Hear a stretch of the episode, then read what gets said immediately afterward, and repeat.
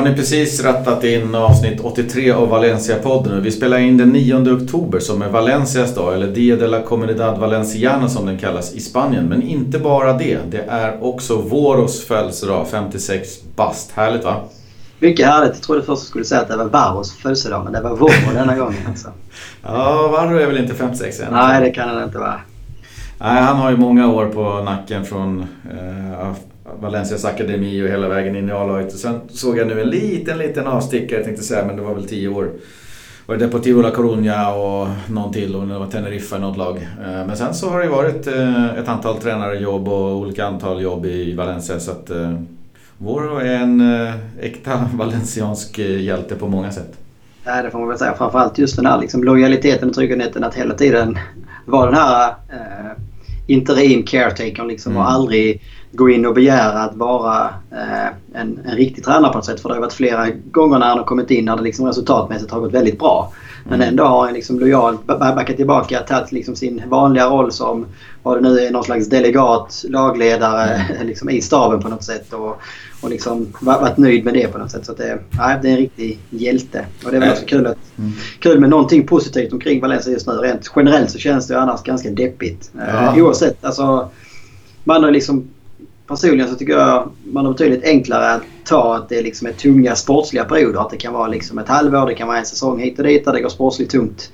På något sätt är det enklare att smälta eller hantera men just när man har när det är så som det är nu, när så mycket ledande personer liksom är inne och misshandlar liksom, stabiliteten och grunden i ens klubb, då är det lite mer deprimerande. Ja, och jag tänkte säga det om Våro också med bra respekt han får med sig då när han klivit in som caretaker också. Det brukar oftast vara cirkus och missnöje och äggkastning liksom. Men man ser ju direkt hur spelarna ändå har respekt för honom sen, sen hans tid i klubben. Och han har ju vistats eh, runt, runt Mestajan i evigheter så att eh, det visar ja. sig att spelarna brukar oftast lyfta sig. Han brukar ju få viss typ av resultat, ändå fast inte en täljer guld kanske. Så, nej, så lyfter nej, nej. resultaten och det tror jag mycket har att göra med respekten till honom. Ja, det är också att han verkar liksom bra att kunna få ihop en grupp. För ofta har det varit, när tränaren sparkar så blir det ofta lite, lite stormigt och kanske varit stormigt ett tag i liksom truppen också på något sätt. Mm. Han verkar ju vara bra liksom att få ihop alla och lugna ner sig och gå samman och liksom eh, ja, gå, gå, gå framåt som en enad, enad grupp och enad trupp på något sätt. Sen så precis som du säger, är han väl kanske inte den största taktikern eller kanske den stora tränaren på, på liksom längre sikt. Eh, det är väl också ett tecken på att han inte liksom har fått några tränaruppdrag och inte är intresserad av det heller. Utan han fungerar bra i de här korta perioderna. Det liksom handlar mer om att lugna ner läget och liksom, eh, eh, ta en, en dag i taget. Ja, det är bra att ha en sån eh, i leden. Vi säger ja. väl eh, stort grattis till 56 bast i alla fall. Om inte jag är fel underrättad. Sen har vi lite nyheter först, lite positiva saker. Vi pratar lite halvroliga saker. Vi kollar på Alaves-vinsten, alltid kul. Dina tre saker som du tar med dig. Och sen har vi en uh, veckans snackis i och med att vi inte Just har någon match att snacka upp. Uh, och då Tillbaka. får ni ju gissa, gissa vem eller vad det kan vara. Ja. Det stormar ju åt, åt, åt ett visst håll, kan man ju säga. Precis. Det är inte så svårt att gissa. eh, men vi börjar med nyheterna och det är lite kul och som alltid att det är så många i Valencia som uh, lirar i de olika landslagen. Nu flyger Sillisen iväg då med Holland, Vass med Danmark, Correa och Gonzales med Portugal. Sen har vi Cheryshev i Ryssland. Torres är väl U21 nu va? Moreno ska försöka göra mål mot både Norge och Sverige. Kangin Lee i Sydkorea och Maxi i Uruguay. Eh, det är hela nio spelare och betänk då att även Kondogbia och Soler och Gaia blir hemma på grund av skada och Parejo petad. Mm. Ja, det var alltså, lite skönt att Parejo blev petad om man liksom får vara egoist och bara tänka på Valencia. Han har fått spela i stort sett varenda minut här i både Champions League och ligamatcherna känns som. Så att han, det är ju inte fel att han liksom bara får vara hemma och köra lite, lite lugnare träning och mm. eh, ladda batterierna också rent psykiskt. Liksom. Det har varit ganska stormigt och han som lagkapten har ju också fått eh, det blir liksom lite mer press på honom att klä skott och liksom försöka hålla ihop gruppen och sådär när Marcelino försvann. Så jag, jag tror han kan må bra av att få lite lite tid att och, och läka höll jag på att säga. Men i alla fall varva ner lite grann. Ja, verkligen. Eh, så är det helt klart. Eh, dessutom så pratade vi lite grann innan om att eh, det ska bli kul att se Selades nu också. Han får ju äntligen ja, nästan en och en halv vecka på sig och gnugga lite taktik och då kan det vara kul med en Parejo på hemmaplan som ändå är kapten och väldigt central. Sen har du ju Kondogbia, Solero Gaia plus Gamiro Eh, alla där är ju mycket nära en comeback. Och vad jag förstår så är det väl Gaia går väl på eh, gruppträning eh, om det var senare nästa vecka, men resten verkar väl vara uppe på benen och vara delaktig. Så att han har ju ganska bra lag ändå på hemmaplan att köra taktikarbete med. Ja, det har många viktiga spelare. Så han har ju liksom ett bra, bra läge att liksom kunna spela in Kondogbia, Solero och Parejo på ett innermittfält kanske. Eh, och Coquelin de, de tre av dem, eh, det kanske blir Kondogbia som får vila ett tag nu framöver. Och skulle vara väldigt intressant att se ett 4-3-3 liksom med Parejo, Soler och en Coquelin bakom där. Eh, det tror jag hade varit riktigt spännande. Ja, och som sagt positivt med skadorna där. Vi har väl Piccini som inte ens är i närheten. Ja, just det. Lite trist. Ja. Eh, jag funderade på Celades där. Vi pratade lite om Soler. Det kom upp någon nyhet idag på Plaza Deportiva. Nej, det var på eh, Super. Om eh, Solers position. Vad tror du att han kommer tillbaka någonstans? Vi har ju en Ferran som har övertygat på Solers gamla nya plats. Precis, men det känns ju inte heller som Carlos Soler är en ytter i ett 4-3-3. Alltså, allt beror ju såklart på vilket eh, spelsystem som Soler vill spela. Alltså, är det ett 4-4-2 som han fortsätter med mm. så kan ju Soler spela både inom mitt och då kan han liksom också spela på sin gamla position i, på yttern så att säga. Men är det ett 4-3-3 som Soler vill spela så är ju inte Carlos Soler en ytter för då är det mer en anfallsytter du vill ha i det systemet på något sätt. Så då är han ju mer en, en av den här mittentrean så att säga. Mm. Ja, jag tror att eh, det finns goda möjligheter för att experimentera där. Det var Selade som spelade han eh, 2017 i U21-landslaget centralt där. Och, Just det. Vet jag. Så att, eh, det blir kul. Det har dykt upp en extra plats då om man kör 4-4-3. Eller 4-3-3 i centralt, vilket inte fanns förut. För då var det mer Parejo och en av Kondogbia och Coquelin, de, de två centrala platserna var vikta för sig. Det blir spännande, riktigt spännande att se. Det kommer säkert komma rapporter från träningarna om eh, vart Soler hamnar i två lagspel och i övningarna.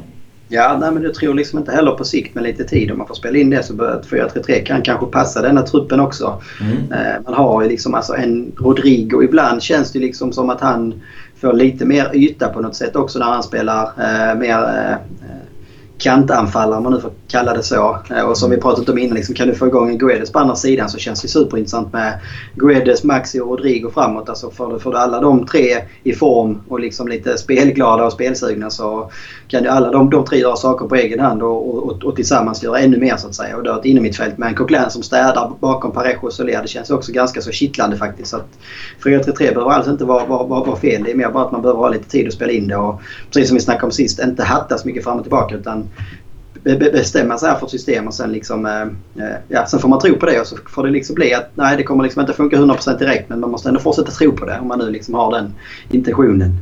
Ja, och sen är det ju väl så med alla tränare. När Klopp kom till Liverpool och flera andra tränare kommer till stora klubbar så, så är det ju, säger ju alla men första säsongen är ju svårt. De måste ju få tid på sig att spela in ett system. Vi kan inte kräva från Celades att det ska sitta efter en och en halv vecka eller efter en månad. Han, eh, nej, han har ju dessutom andra begränsningar med säkert att han inte får värva sina spelare utan han, tar ju, han får ju de spelarna han har och så får han ganska kort om tid på sig att göra sitt bästa. I alla fall kul att han får en och en halv vecka nu. Han har ju haft vad är det, fyra dagar som mest mellan matcherna ja. hela vägen ja. fram hit. Precis, nej, jag håller med. Men det, är det enda som jag vill se det är väl mer liksom att man tydligt kan se vad som är hans idé så att säga. Och att man, alltså sen att man inte, sen så kan jag också köpa att eh, det, det, det kommer liksom inte vara att den funkar 90 minuter varje ve vecka. Men det gäller liksom inte att bli eh, populist eller liksom eh, tappa tron på sin idé för fort. Utan visa, visa tydliga tendenser att det här det, det är så här som är min idé, det är så här jag vill spela. Äh, och våga tro på det. Liksom. då är det också enklare att ge tid. Men ser man liksom att nej, men han provar sin idé men så fort den inte lyfter så byter han tillbaka och så är det fram och tillbaka. Så då är det mm. svårare att veta liksom vad är egentligen vad är spelidén på något vis. Ja, och kör man den fullt ut så ser man vilka brister det finns och vad man behöver ja. träna på och så vidare. Och då är det enklare att se drag och riktningar och så är vi på väg åt rätt håll. Så att, ja. jag håller med dig. Det vore kul om han valde sin spelidé efter nu så kör vi. Ja, nej, det känns som att så, jag, alltså, så vi pratade om innan att jag hoppas inte liksom att det blir Ibland har man fått en känsla av att det liksom är, nu, nu ska det vara mycket, mycket mer så här tiki-taka eller ett mer liksom bollinnehavsinriktat spel. Det hoppas jag inte det blir. Men för den sakens skull tror jag att 4-3-3 med någon slags mer Marcelino-fotboll om man nu får säga så. Liksom, eh, alltså ett 4-3 där man ligger tight i defensiven och sen liksom i sylvassa kontringarna. Det kan ju lika lätt bli ett 4-2-3-1 som liksom är väl det spelsystemet som Valencia haft mest framgång med genom alla... Genom all, de, de flesta framgångarna här liksom de senaste 20 åren i alla fall har ju varit mer i ett 4-2-3-1. Mm. Uh, och det skulle mycket väl ett 4-3-3 snabbt kunna förvandlas till. Alltså säg att du har Parejo och Coquelin i den här tvåan. Eh, Carlos Soler i en lite friare roll framför och sen så har du Guedes Rodrigo på kanterna och en Maxi längst fram så har du liksom ett 4-2-3-1 som ser riktigt spännande ut. Mm. Ja, verkligen. Uh, ska vi börja kika lite på alla västmatchen då? Vi hade ja. ju en uh, 2-1 vinst, Maxi, och sen var det Parejo, riktigt skön seger som satt lite längre in än väntat. Vi hade en straff för Valencia och, av och med Parejo. Eh, han satte den sista spiken i kistan trodde man ju, men det blev lite nervöst till slut när Alaves reducerade i 89. Jag tycker det var fina insatser av Rodrigo och Coquelin primärt. Ja, jag kan väl hålla med. Jag tyckte Coquelin, äh, Rodrigo och Coquelin, jag tyckte du sa Parejo. Det var Nej, Rodrigo och Coquelin. Jag tänkte, tänkte på annat. Ja, nej, Coquelin, alltså han är återigen, han gjorde ju riktigt bra matcher i säsongsinledningen. Så han har sett lite halvsliten ut här liksom mm. de senaste matcherna tycker jag. Vilket inte varit så konstigt heller. För det blir ju när framförallt sen Kondogbia skadar sig så har ju Coquelin och Parejo liksom fått spela minut efter minut och inte fått vila många minuter. Men nu tyckte jag Coquelin igen liksom visar att han är den sheriffen ute på planen på något sätt. Eh, som man liksom behöver. Eh, och Rodrigo tycker jag också kommer in mer och mer. Han fick ju den här halvotäcka smällen på ögat. De svullnade upp liksom som jäkla boxare. Och, tänkte, och det var ju ändå ja, var det strax innan halvlekspaus va? Eller strax innan paus mm. där första halvlek. Så det var ju mycket kvar och man tänkte fan. Det kändes liksom lite synd för att det kändes som att han var väldigt pigg i första halvlek eh, fram, framförallt. Så det var lite typiskt att han skulle få en sån. Jag vet inte hur mycket det hämmar han för sen eh, blev han ju utbytt hyfsat tidigt i andra halvlek där. Eh, men annars så många fina intentioner. Det är liksom bara synd att han inte... Eh, han skulle behöva göra ett mål tror jag för att liksom, mm. eh, för att lyfta helt och hållet. Men det, alltså, trenden hos Rodrigo är helt klart uppåtgående. Ja, och det var ju... Det primära var ju tre riktigt, riktigt viktiga poäng och någorlunda liksom kontakt med... Eller ja, det är ju kontakt med, med toppskiktet i och med att ingen går bra. Eh, någon som gör mål så är det ju Maxi Gomes. Han bara fortsätter att göra mål och ser ut att vara den där målsprutan som man önskade att han var. Exakt. Nej, men det är ju alltså... Han har ju visat sig. Alltså, så här långt liksom de sista månaderna egentligen har han varit precis en spelare som vi kanske behövde. Alltså, inte med lika mycket i spelet som till exempel en Rodrigo eller så här. Men han är ju där inne i boxen och han liksom... Nu, nu, nu är han ju så klinisk, eller klinisk kanske är överdrivet men han är ju väldigt bra i avslutet nu och det var ju mm. liksom det, det, det som var en styrka i Celta också. Alltså där var ju Aspa som var liksom mer den stora spelaren, kreatören, stjärnan i anfallet på något sätt. Och mm. Maxi var ju mer målskytten och det är precis det Valencia behöver nu. Vi behöver inte en Rodrigo till som liksom ska vara med i, i uppbyggnaden eller liksom vara, vara, vara framspelare utan vi, vi behöver liksom en, en boxspelare eh, som, också, alltså som har en nivå högre än till exempel en Santimina hade. Och det mm. tycker jag han också börjar visa.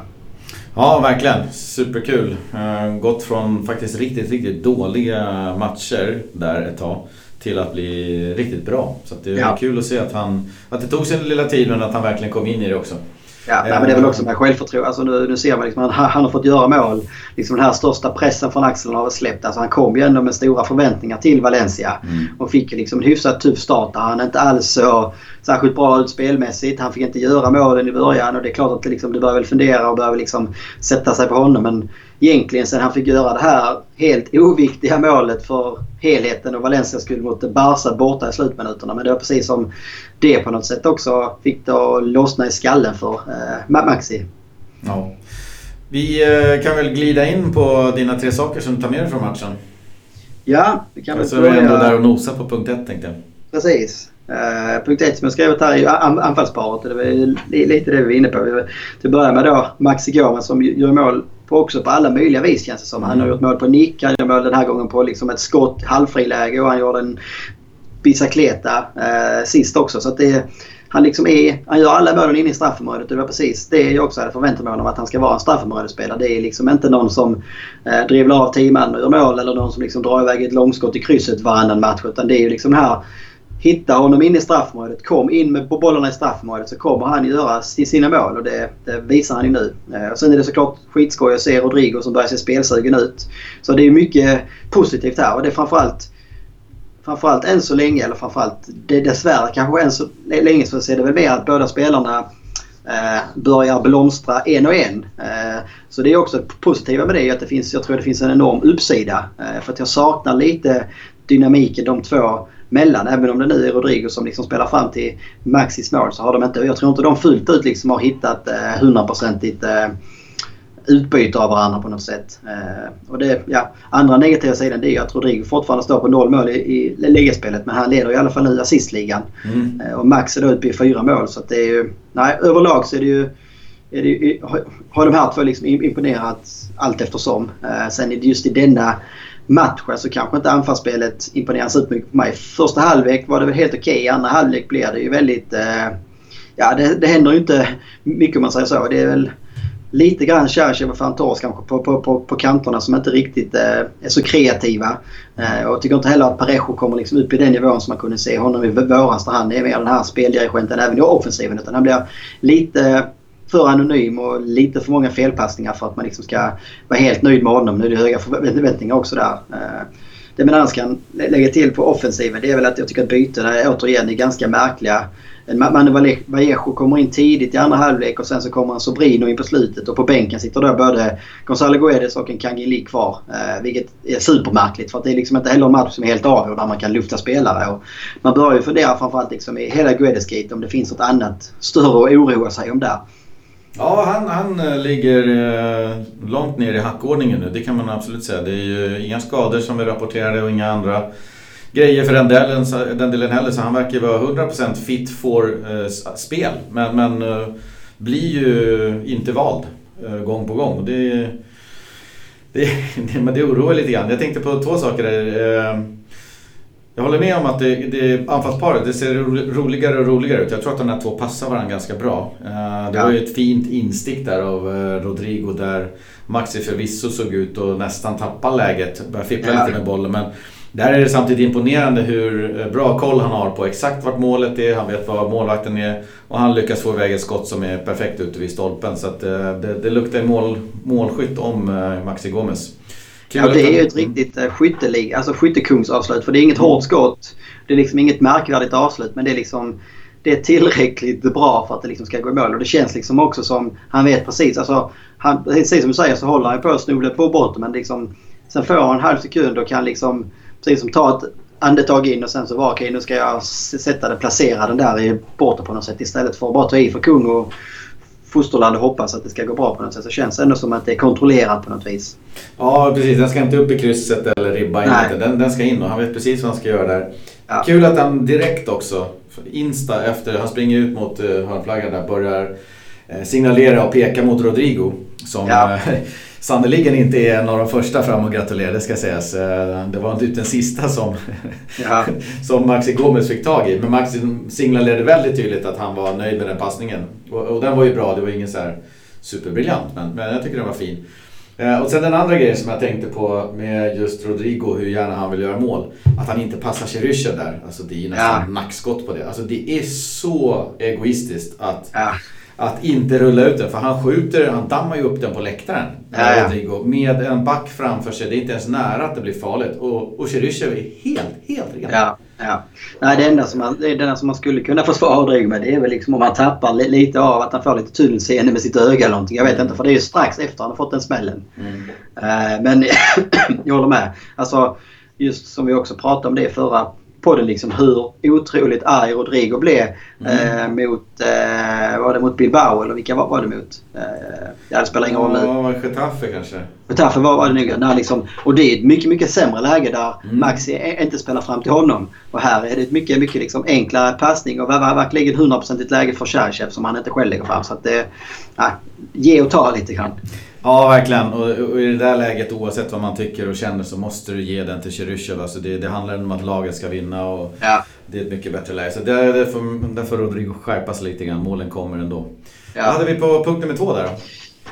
Eh, punkt två har skrivit i rubriken att det skakigt i andra halvlek. Det kändes alltså min personliga bild av det hela var att det kändes som att vi hade full kontroll i första 45 och vi kunde liksom kanske varit både ett och två mål till upp. Eh, I alla fall skulle det vara 2-0 i paus hade kanske mm. varit mest rättvisa. När man har liksom stort bollinnehav och kommer ändå till många halvlägen i alla fall. Eh, sen kommer man ut i andra halvlek som ett helt annat lag. Alltså det är ingen intensitet och man släpper över initiativet helt. Och det känns liksom bara som en tidsfråga innan Alaves ska kvittera. Det kommer liksom till många fina halvlägen och det liksom Tyvärr ser det ut så som det gjort under Solades inledningen att man, de här svaga perioderna som man kommer i i alla matcher, de här svackorna blir så himla djupa och man har liksom väldigt svårt att resa sig på något sätt. Den här gången är det ju tillfällighet och lite flyt liksom att vi har marginalerna med oss. För det är ju en, en snabb spel, spelomvändning eller en snabb kontring eh, där, där man nästan kommer typ tre mot en och det är då Parejo som eh, tar med den in i straffområdet och halvbillig straff. Alltså, mm.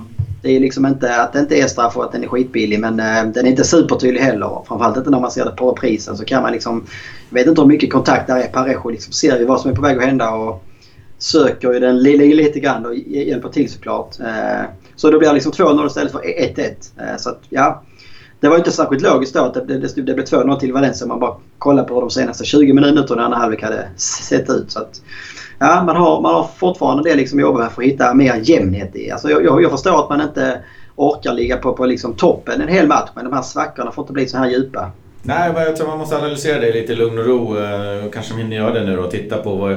För de här svackorna de kommer ju i varje match. Du har ju till ja. exempel om man inte tittar längre bak än Getafe där det är en eh, vad är det, 20 minuters period där man gör eh, tre baljer och ja. egentligen avgör matchen. För att sen ramla ner i någon avgrundsdjup sörja bara där, där ingenting lirar längre.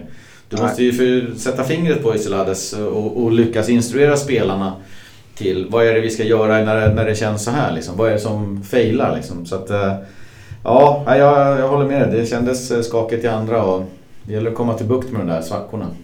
Ja, jag vet inte ens om det tillfälls just så här spontant så känns det också som att det ofta kommer liksom så här direkt i andra halvlek på något sätt. Att när man kommer ut efter paus är man inte riktigt vakna. Så vi hade Getafe var det precis så. Nu mot Alaves var det precis så. Barca på någon kamp var det också så. Det var med ändå, man fick ju liksom den här reduceringen och hade, det stod bara 2-1 i paus men sen så går man ut i andra halvlek och sen efter en kvart så är det förstört när det står liksom 4-5-1. Mm. Så att, eh, någonting liksom gör att man tappar intensiteten efter pausvilan på något sätt. Och det känns som man måste sätta fingret på och försöka få bort. Ja, vi håller tummarna. Vad hade vi på sista punkten här? Sista punkten, eh, liten notering så här att vi kanske såg det första lilla taktiska draget av Solades, eller första tydliga taktiska draget i alla fall.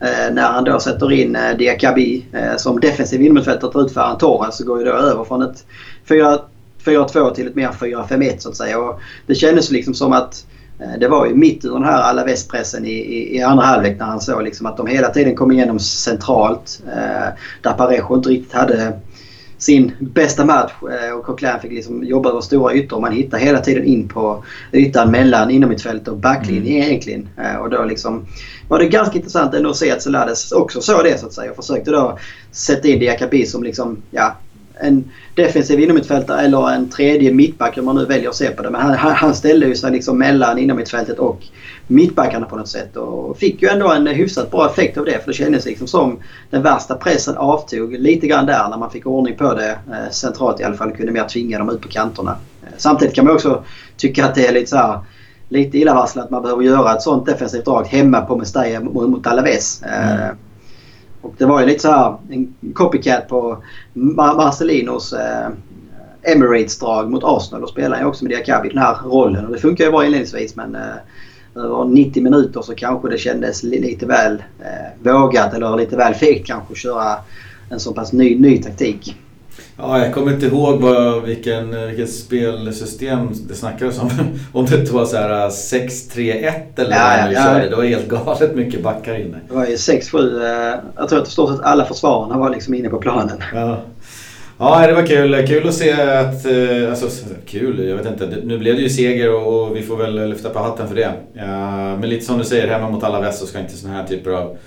Ja, jag vet inte om det kallas för nödlösningar, men specialare kanske behövas. Utan man ska kunna vara lite tryggare med bollen och rulla ut dem ändå. Eh, men, men det är spännande med alla de här grejerna för att vi famlar ju lite i mörkret med, med Selades fortfarande. Vad, vad, han har, vad det är för tränare och vad han har för S i rockar, men hur han agerar. Med Marcelino visste man ju hela tiden efter ett tag vad som skulle hända. Så det, det är spännande om inte annat att se alla de här små förändringarna som Selades gör. Ja, gärna men jag tycker, jag håller med. Det är liksom, men det blir också svårt att liksom betygsätta honom för att det är...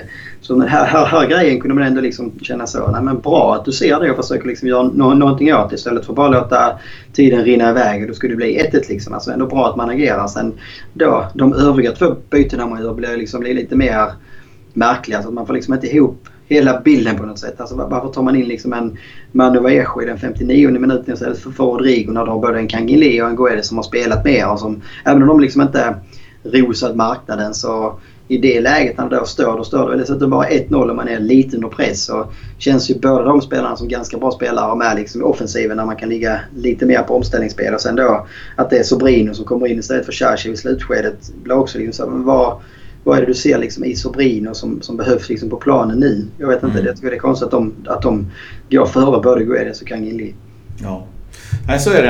Eh, det var den sista punkten. Jag ja. tänker att vi tar en kort jingel innan vi börjar prata om eh, elefanten i rummet. Ja. ja, ni gissade rätt. Veckans snackis. Det är svårt att det ska vara någon annan än Anil Murti just nu med flera nya snedtramp bara senaste veckan. Eh, och vi tänkte väl beta av de fyra stycken som som vi tycker utmärker sig. Ja, det är senaste veckan han eh, har hållit på. Eh, det har ju eskalerat på alla möjliga sätt kring hans person och figur i Valencia och det är ju eh, får man misstänka ganska nära att han försvinner. Annars vore det ju märkligt men än så länge är han kvar. Ja, nej, men det känns liksom som snart så blir det liksom så Peter Lim. Alltså, han, Peter Lim får ju redan massa med skit och liksom kritik. Och liksom, han behöver ju inte heller stå och klä skott för han är Mortis skit också. Då är det enklare liksom att göra sig av med Morty. Det har liksom varit hela frågan från början också. Alltså vad, vad är det egentligen Morty tillför? Alltså han har från början känts som någon lakej ändå när Peter Lim och då är det väl bättre för honom att sätta dit en kanske mer anonym profil om man säger så. Som inte gör sakerna värre i alla fall. Ja det gör han nu. vi var ju glada över det ett tag att han Anel Murti för någon månad sedan, ett halvår sedan, att han verkar ha förstått rollen lite grann och håller sig i bakgrunden. Så han gör Exakt. i alla fall ingen skada just nu, Nej. vilket ju är glädjande. Nu, nu har han ju klivit fram ur manegen och står på scenen och gör bort sig gång på gång. Men vi betar väl av de här. Det började ju med lite grann förra veckan, den stora snackisen. Uh, och det är ju härvan kring Telefonicas välgörenhetsprojekt till förmån för barncancer där Santiago Canizares var ansiktet utåt och enligt Canizares så klev Valencia då av projektet uh, och han vädrade ju sitt missnöje då till eh, media varpå Valencia svarade med ett officiellt uttalande. Där stod det egentligen att Valencia inte alls hade klivit av det här utan man beklagade sig att Canizares nu hade uppfattat det så Eh, man sa i stort sett att eh, det var ett missförstånd. Man hade ifrågasatt något datum och lite annat. Och det hade väl inte passat in på, på alla sätt men man hade absolut inte klivit av. Det här är bara en eh, smutskastning från, från Canizares och, och Telefonica. Och de, märkligt. Slutsummering med det hela är ju att projektet nu rullar vidare tillsammans med Real Madrid istället. Ja, Nej, men till början så kan man ju alltså jag har liksom svårt att se vad skulle Telefonica vinna på att smutskasta Valencia och ännu mindre vad liksom skulle Canizares vinna på det som är liksom en Valencia. Det är väl klart att jag litar sju dagar i veckan mer liksom på, på, på Canizares och liksom tror på hans lojalitet och känslor för Valencia än, än, än vad jag liksom tror på Anin Morti. För det är det man kan också konstatera. Det är liksom att allt officiellt som kommer ut från Valencia nu det är lika med Anin Morti. Ja. Att det är liksom han, han släpper inte ut någonting som inte liksom han själv antingen själv har liksom kommit på eller som han själv har skrivit under. Så det kan man liksom vara, vara väldigt liksom klar över. Att det är Anil Morti som, liksom, även om det inte är han direkt som säger det, så är det hans ord eller hur man ska uttrycka. Så det är liksom, var, var, varför skulle Canizares liksom börja ljuga eller vilja smutskasta eh, Valencia i ett sånt här alltså, liksom Jag ser det blir liksom så fåniga ursäkter på något sätt. Ja, jag fattar inte vad, vad problemen är här i kommunikationen. Antingen så är du med Ja. Eller så är du inte med. Och jag uppfattar att det här rullades igång själva projektet med det här välgörenhetsprojektet tillsammans med Telefonica, Canizares och då Valencia rullades igång ganska tidigt i våras. Så Valencia har ju varit med eh, och, och tittat på under vilka former man ska göra det här och vilka av sina egna sponsorer som ska engageras och hur man gör det där.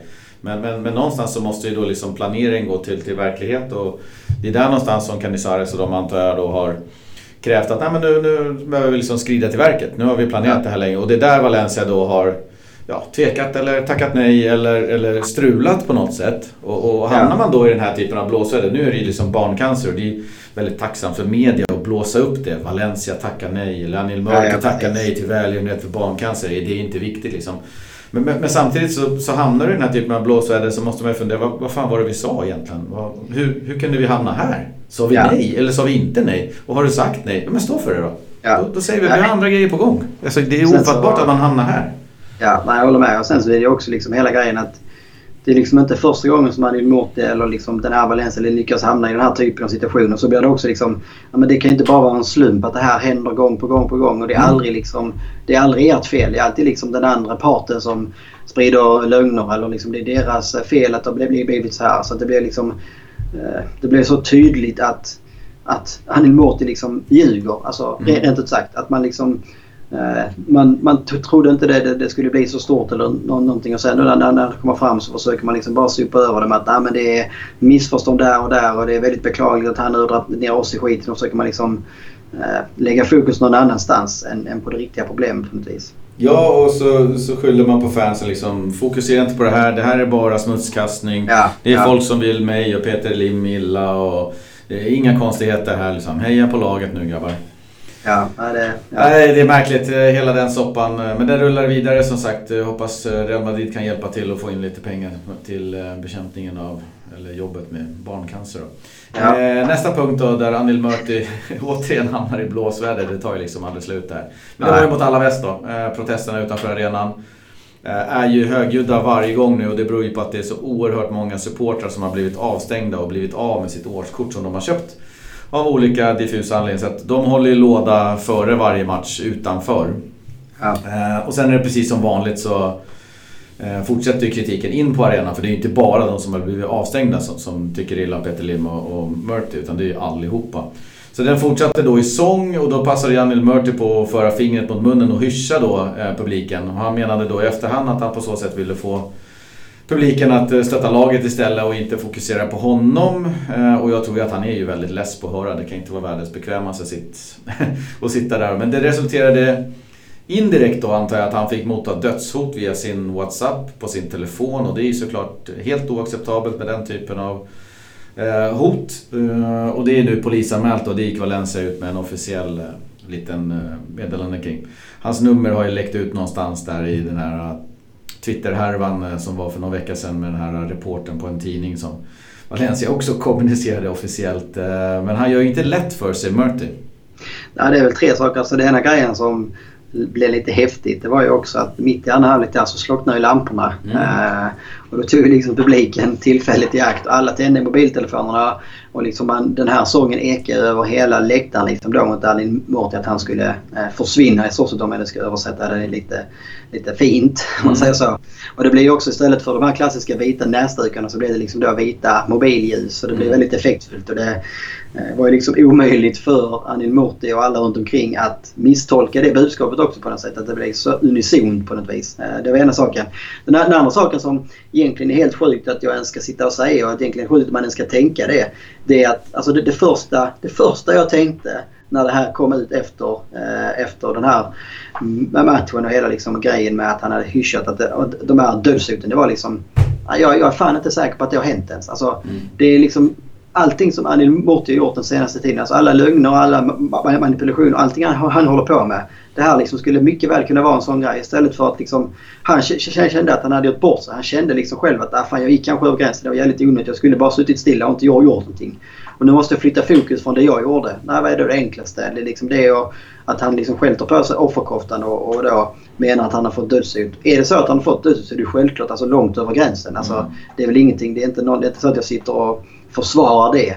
Men jag skulle heller inte bli alls förvånad liksom om, om det är åtminstone en grov överdrift och när Morty får liksom flytta fokus från hans Mm. egna tabbar till det här på något vis. Eh, Ja, det och kan sen var det också, sen var det också li, lite kul för det eh, efter matchen så hade han ju tydligen också eh, bytt sin bild på WhatsApp från den här bi- bi- bilden som vi snackat om innan som var nära Pooh i, Ja, just det. i, Simpsons. I Simpsons. Till eh, en stillbild på när han sitter och hyschar med publiken. Han körde liksom den som sin profilbild på, på, på WhatsApp. Och det blev också lite så. Alltså, det ser ju alla som har hans nummer. Det är det som är Ja, och plus att, alltså, att du gör så och sen samtidigt försöker du då säga att nej men det var bara att jag skulle lu- lugna fansen. Alltså de två, det är det du säger och det du gör, det, liksom, det går inte ihop. Den bilden går inte ihop. Att du sätter upp den på WhatsApp det är liksom bara för att provocera på något sätt. Ja, verkligen. Allt han gör är ju liksom bara att eh, varenda gång han liksom tror att han ska lugna ner det eller tror att liksom han ska vända opinionen så blir det liksom bara istället att han slänger in ytterligare en brasa elden och så bara brusar han upp ännu mer. Alltså, han tar ett varje... spadtag till i graven åt ja, sig ja, själv. Ja. Han fattar inte det själv. Det är det, det som är det otroliga. Att han har varit liksom diplomat i tidigare karriär. Det är liksom helt otroligt. Nej, nej, det är sjukt faktiskt. Det finns ju några små detaljer till i just den här soppan. Eh, det kom ut en video, den finns lite säkert överallt, men LD Despoes bland annat eh, gick ut med en video då över hela den här sekvensen. Då. De, någon som står lite längre ner på läktaren som filmar då eh, Anil Murti när han hyschar och, och dämpar liksom så. Dels så är det det roliga i folkets reaktion, alltså folk börjar skaka på huvudet. Så, är den här snubben på riktigt? Liksom, alla tittar ju på... Ja. Sången ekar igång tittar på Anla på Murti och ser vad som händer. Och då börjar han hyscha och folk skakar på huvudet och tänker det här är ja, ja. på riktigt. Bredvid han där, ett hack bort, har vi eh, Alemani. Han ser ju så jäkla obekväm ut. Och ja, ja. Han, han, ser ju i ögonbrynet vad som händer.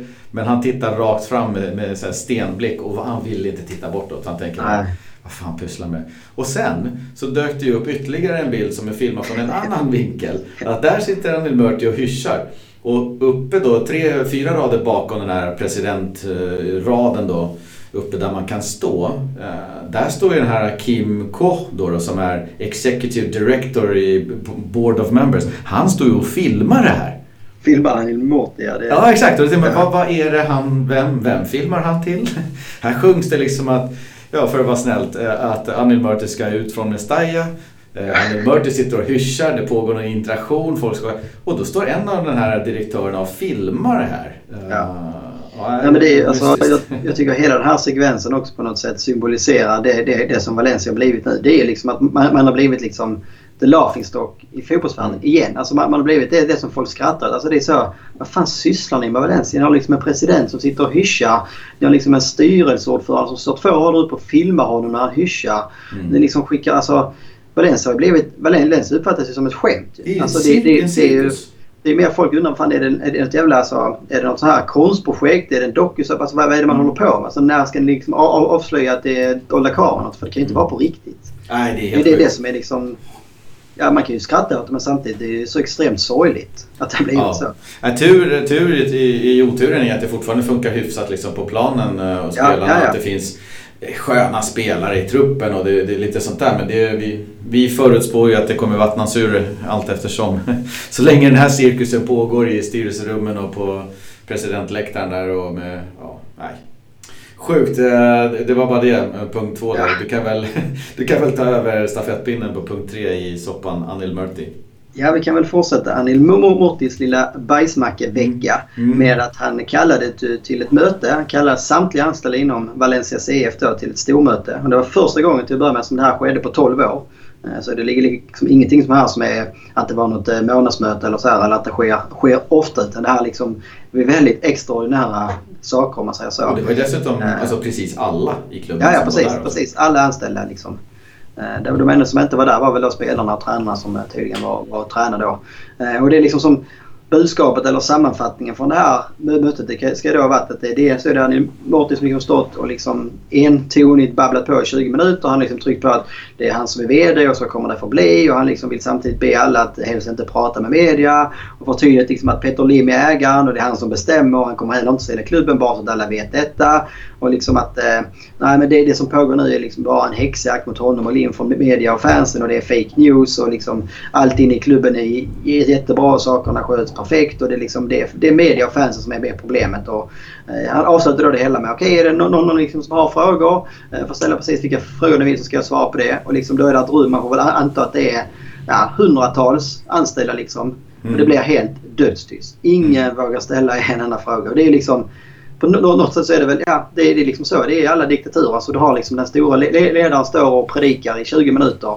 Och sen är det självfallet ingen som vågar ställa en fråga. För mig liksom, ja, skulle jag ställa frågan och han liksom skulle uppfattas fel så är det jag som liksom inte har ett jobb i morgon på något sätt. Det är, det är liksom den, det budskapet och det är den miljön som han har skapat i klubben vilket är obehagligt. Nej, och han, han känner sig ju själv manad antar jag att ta, försöka ta kontroll på situationen efter hela Canizares och alla västmatchen och hyschandet. Och det var ju efter det precis, så var det ja, måndags ja, ja, som han kallade till det här. Eh, så det slog mig där att kul att han, han använde ju tydligen just orden fake news när han ja. Eh, pratade om Canizares-grejen. Eh, och kul att även stackars, stackars Matteo Alemani tvingades in dit. Han ja. satt väl där och surfade på sin telefon i några minuter och sen så somnade han väl. Jag vet. Ja. Nej, men det är ju liksom Donald Trump i Valencia på något mm. sätt. Alltså det är liksom slänga ur sig och snacka skit liksom av alla som, som på något sätt kritiserar eh, hans arbete. Eh, och liksom alla som på något sätt lägger fram några fakta som talar mot honom eller Lim. Ja men då är det alltid fake news. Och mm. Är det problem i klubben eller liksom att det blir starka reaktioner om man sparkar tränare. Ja men då är det fansens fel. Alltså det är noll självrannsakan. Eh, och liksom, ja. Ja, och det som slog mig också eh, när, när jag började fundera på varför gör han detta? Du, som du sa, det har aldrig hänt. Liksom, eh, i. Eh, då börjar jag fundera i tanken att alltså, på något sätt så får jag en känsla av att han, han känner nog själv att det börjar liksom det börjar, raset börjar ha börjat nu. Det går inget bra. Eh, men jag tar det inte heller för helt eh, upp, upp, liksom påhittat att som jag tänkte att han, han, kanske har fått någon propåer från Peter Lim eller den här Kim K eller någon att Fan du håller på att tappa situationen, du behöver ta kontroll över situationen. Det går ju åt helvete med allting. Och då är Anil Murtis svar, jag svarar, jag samlar trupperna och håller något brandtal av plast. Uh, och så ska, ska de svälja det sen och sen är allting bra. Det finns ju riktiga problem att ta hand om. Som att man ja. har sparkat en tränare, man håller på att sparka, försöker sparka folk till höger och vänster, man stänger av tusentals supportrar. Så det finns ju andra problem att ta hand om än att hålla något brandtal till de anställda. Jag tror att det var hans sista typ försök för att samla gängtrupperna och försöka göra någonting. Jag tror att han avgår väldigt snart.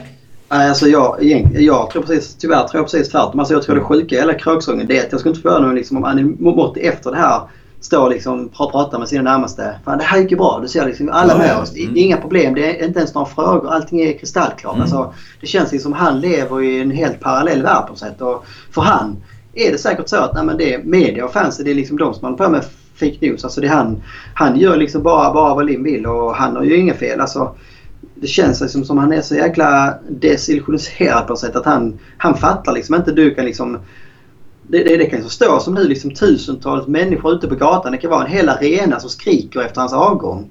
Men liksom nej, det är bara att de, de behöver lugna ner sig lite. Alltså det, det är lite överhettat just nu. Det här kommer blå, blå, blås över. Det här är liksom inget allvarligt så. Liksom, nej, det är inte det det handlar om. Alltså, man, man, man, man, kommer inte sluta skrika förrän du försvinner. Alltså, man kommer inte sluta skrika förrän du avgår. Det är liksom en skam att du ska sitta som president i Valencia CF. Alltså med historia och kultur och allting. Alltså, man blir ju ja, vad man tänker på det. Jag, jag tror inte att han hajar någonting. Men jag tror att Nej. folk, alltså Peter Lim eller någon annan snart kommer säga att det, det här funkar inte. Men jag tror ja. att hans egna sista... Nej, jag måste ta kontroll över det här. Och så, precis som du säger, jag tror att han dunkar sig själv och sina kollegor i ryggen. Fan det där gick ju bra, det var inga konstigheter. De, de hajar direkt. Ja. inga frågor. Det är som... Ja, ja. Nej, det är sjukt. Ja. Jag tar den uh, sista punkten också. Det, det, det, det slutar liksom inte där. Nej, det blir nej, nästan ännu värre. Och veckan är inte slut än så det, vi får väl se vad som ramlar in här torsdag, fredag, lördag, söndag. Men eh, den femte grejen vi är inne på nu som har hänt den senaste veckan det var ju att eh, om inte det här liksom var nog att eh, bortgjorts ännu mer ovän med både media och fansen så har jag nu också lyckats göra sig ännu mer ovän kanske då med truppen och ledarstaben. Eh, för det kom ju fram att då fys eller slash eh, Alltså han är inte fystränare på det sättet, han är väl mer rehabtränare som jag kunde... I den sista fasen av rehaben när man ska liksom gå från... Eh, man släpper kryckorna och börjar gå på gräs. Därifrån ja. fram till matchträning. Det är den fystränaren som... Alberto Torres i alla fall som också då var handplockad av Marcelino från början. Eh, han fick ju då reda på av Anil Morti att han hade fått sparken. Eh, och det här blev då Solades och spelarna väldigt förvånad över men också liksom rasande för man liksom fått besked och löften av Anil Morti att Nej, men nu är det ingen mer som ska behöva gå liksom i, runt truppen här utan nu liksom ska det bli lugn och ro, det ska bli arbetsro. Nu, liksom, nu har vi liksom gjort den här eh, förändringen och utrensningen eller vad man ska kalla det och nu är det bra. Eh, så liksom då någon dag efter så försvinner liksom då en av de ändå liksom jag ska inte säga viktigaste men det är, liksom, det är ju, det är ju en person och liksom en tränare eh, som liksom behövs och som liksom märks tydligt att han försvinner om man säger så. Det är liksom ingen som bara vänder papper i bakgrunden utan han är ju med på träningarna och liksom alla spelare har i stort sett haft någon relation med honom. Och till och med eh, bra liksom... relation och väldigt varma känslor för Precis, honom. Att exakt. hjälper, honom, hjälper spelarna på komma, eller han hjälper spelarna att komma in i sista. De har ett otroligt förtroende vad jag förstod för honom. Ja.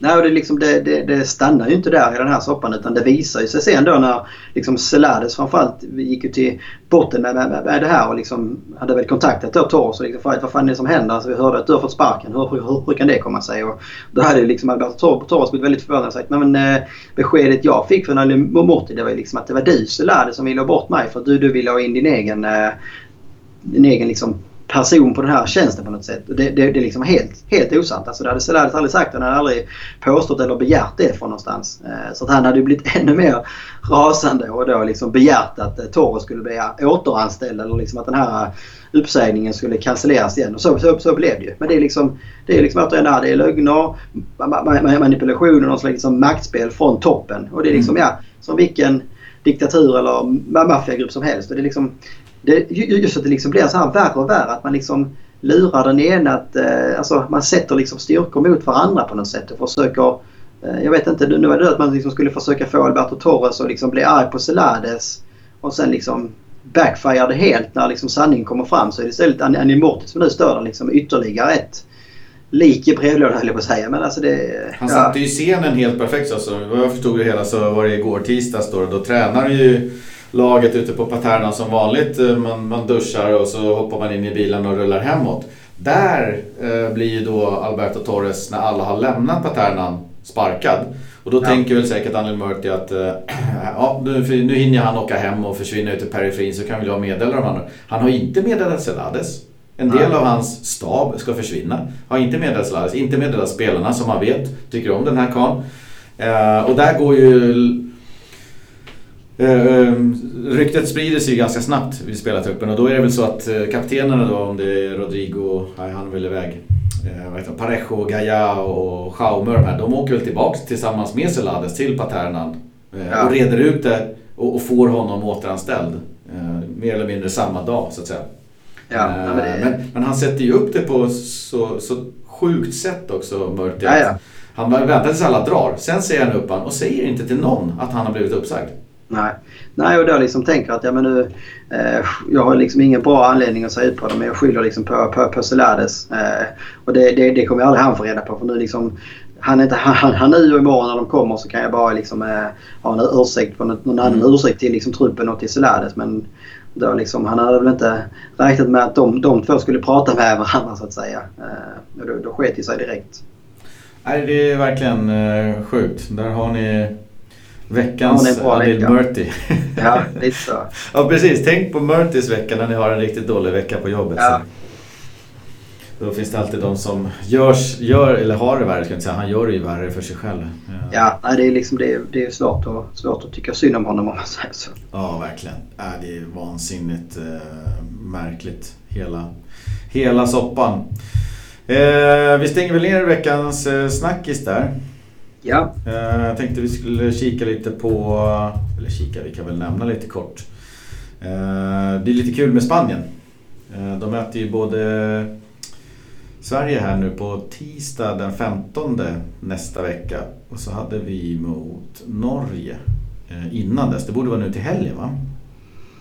Norge har vi lördag den 12. Precis. Borde vara ja. Så de spelar först i Norge mot Spanien och sen så är det i Sverige eller Spanien spelar i Norge mot Norge och sen eh, i Sverige mot Sverige. Eh, så det är två bortamatcher för spanjorerna. Just det. Och bara tre dagars vila. Ska också sägas. Men det kanske funkar. Så det blir kul. Det får vi hålla ögonen på allihopa. Eh, I ja, det finns många anledningar att följa dem.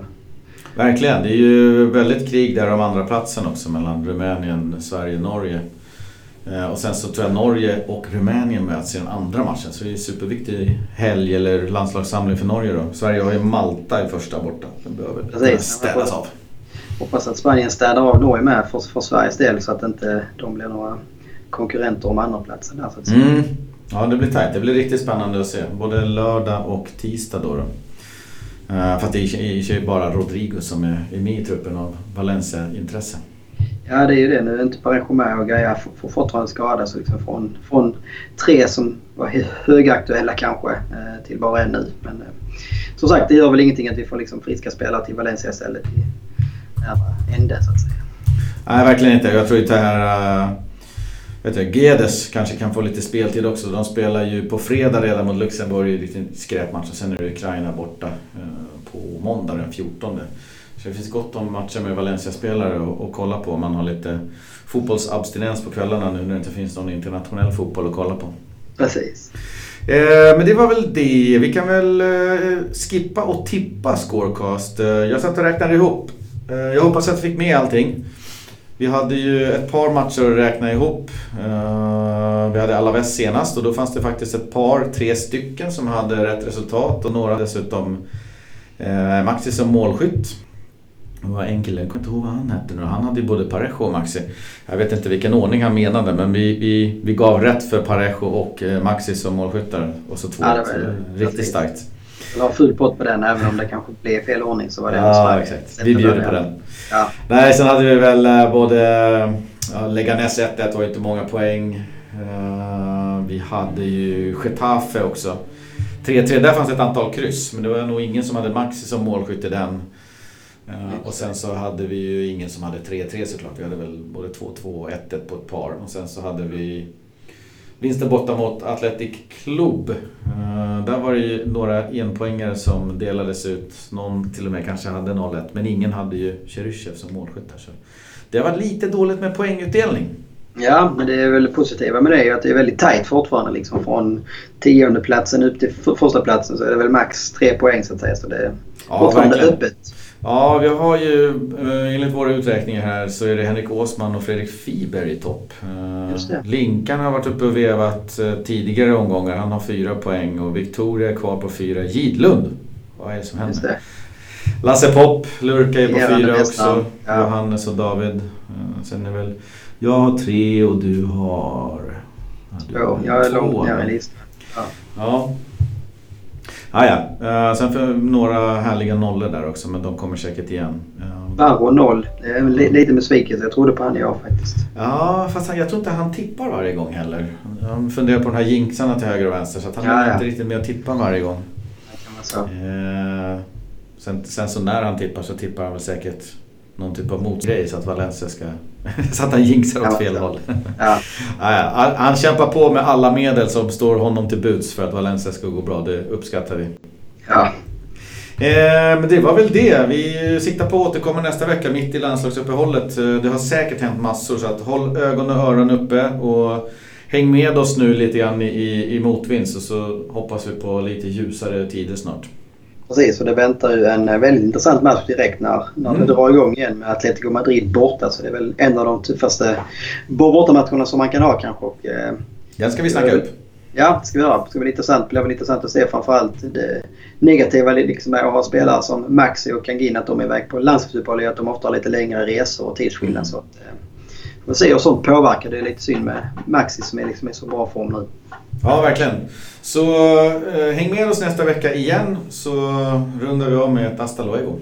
Valencia, mi escudo y leyenda. Valencia, eres parte de mí. Es un sentimiento y hoy puedo decir, eterno seré junto a ti. Es tu luz, tu señera, bandera y honor los que visten a mi corazón. Tanto tiempo cantando y alzando mi voz, la que escuchas junto a mi afición. Tantos años de historia y jamás cambiará. Del Valencia seré hasta el final. Blanquinegre seré y donde quiera que estés con orgullo te acompañaré. Valencia mi escudo y leyenda. Valencia eres parte de mí. Es un sentimiento y hoy puedo decir eterno seré junto a ti. Valencia te quiero Valencia. Gritemos bien fuerte Valencia. No hay nada en el mundo que me haga sentir lo mismo que siento por ti. Junto a ti. Pasan los años, hoy puedo decir, ganes, pierdas, siempre estaré ahí. Vibra me estalla con cada ocasión, siento eterna ilusión hoy por ti. Cuenta a la gente que es algo especial, ser del Turia nunca cambiará.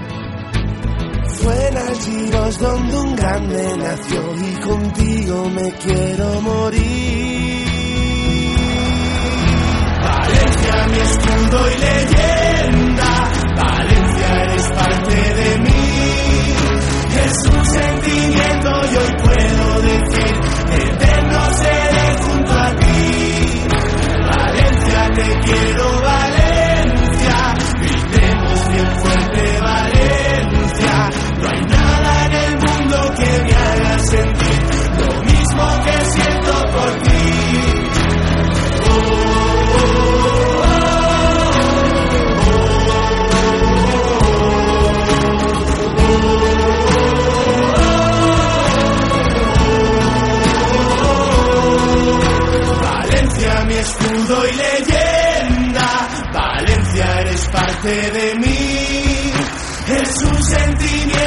sentimiento y puedo decir que eterno seré junto a ti. Valencia, te quiero